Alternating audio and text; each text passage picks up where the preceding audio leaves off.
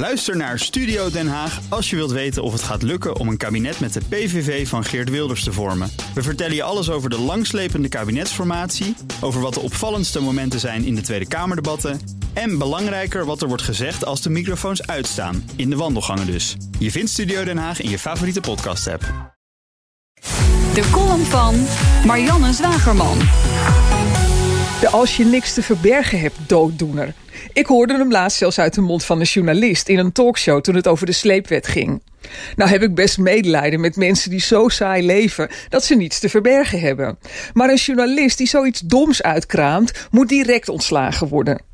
Bronbescherming is een van de belangrijkste journalistieke gereedschappen. Een journalist, een echte althans, laat zich eerder in de gevangenis gooien dan hij zijn bron onthult.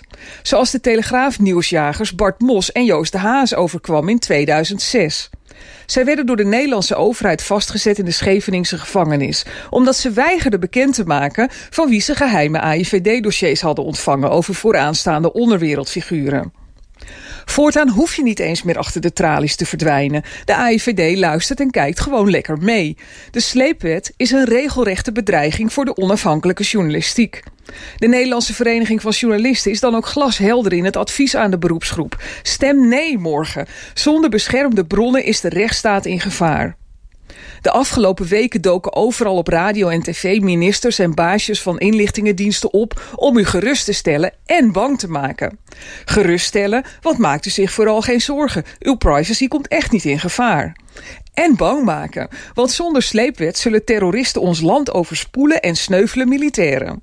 Het eerste is niet waar en het tweede waarschijnlijk ook niet. Nu al, zonder sleepwet, staan er politieagenten in uniform aan de deur bij mensen die pagina's liken op Facebook. Zoals bij Agnes, die de Facebookpagina Laat Groningen niet zakken beheert. Ze stak haar digitale duimpje op voor een protestbijeenkomst waar minister Wiebes ook aanwezig was. En dus was ze staatsgevaarlijk genoeg om de lokale bromsnor op pad te sturen.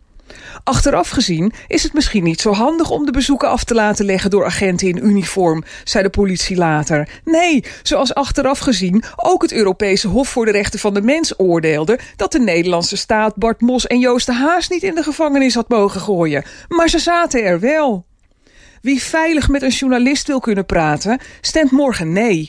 Wie waarde hecht aan onafhankelijke journalistiek, stemt morgen nee. Wie geen politieagent aan de deur wil voor een duimpje op Facebook, stemt morgen nee. Wie nadenkt, stemt morgen nee. En dat is eh, Marianne Zwageman. Uh, u kunt er column terugluisteren op bnr.nl en in de BNR-app. Ook Thomas van Zeil vind je in de BNR-app. Je kunt live naar mij luisteren in Zaken doen. De BNR-app met breaking news, het laatste zakelijke nieuws... en je vindt er alle BNR-podcasts, bijvoorbeeld Het Nieuwe Geld. Download nu de gratis BNR-app en blijf scherp.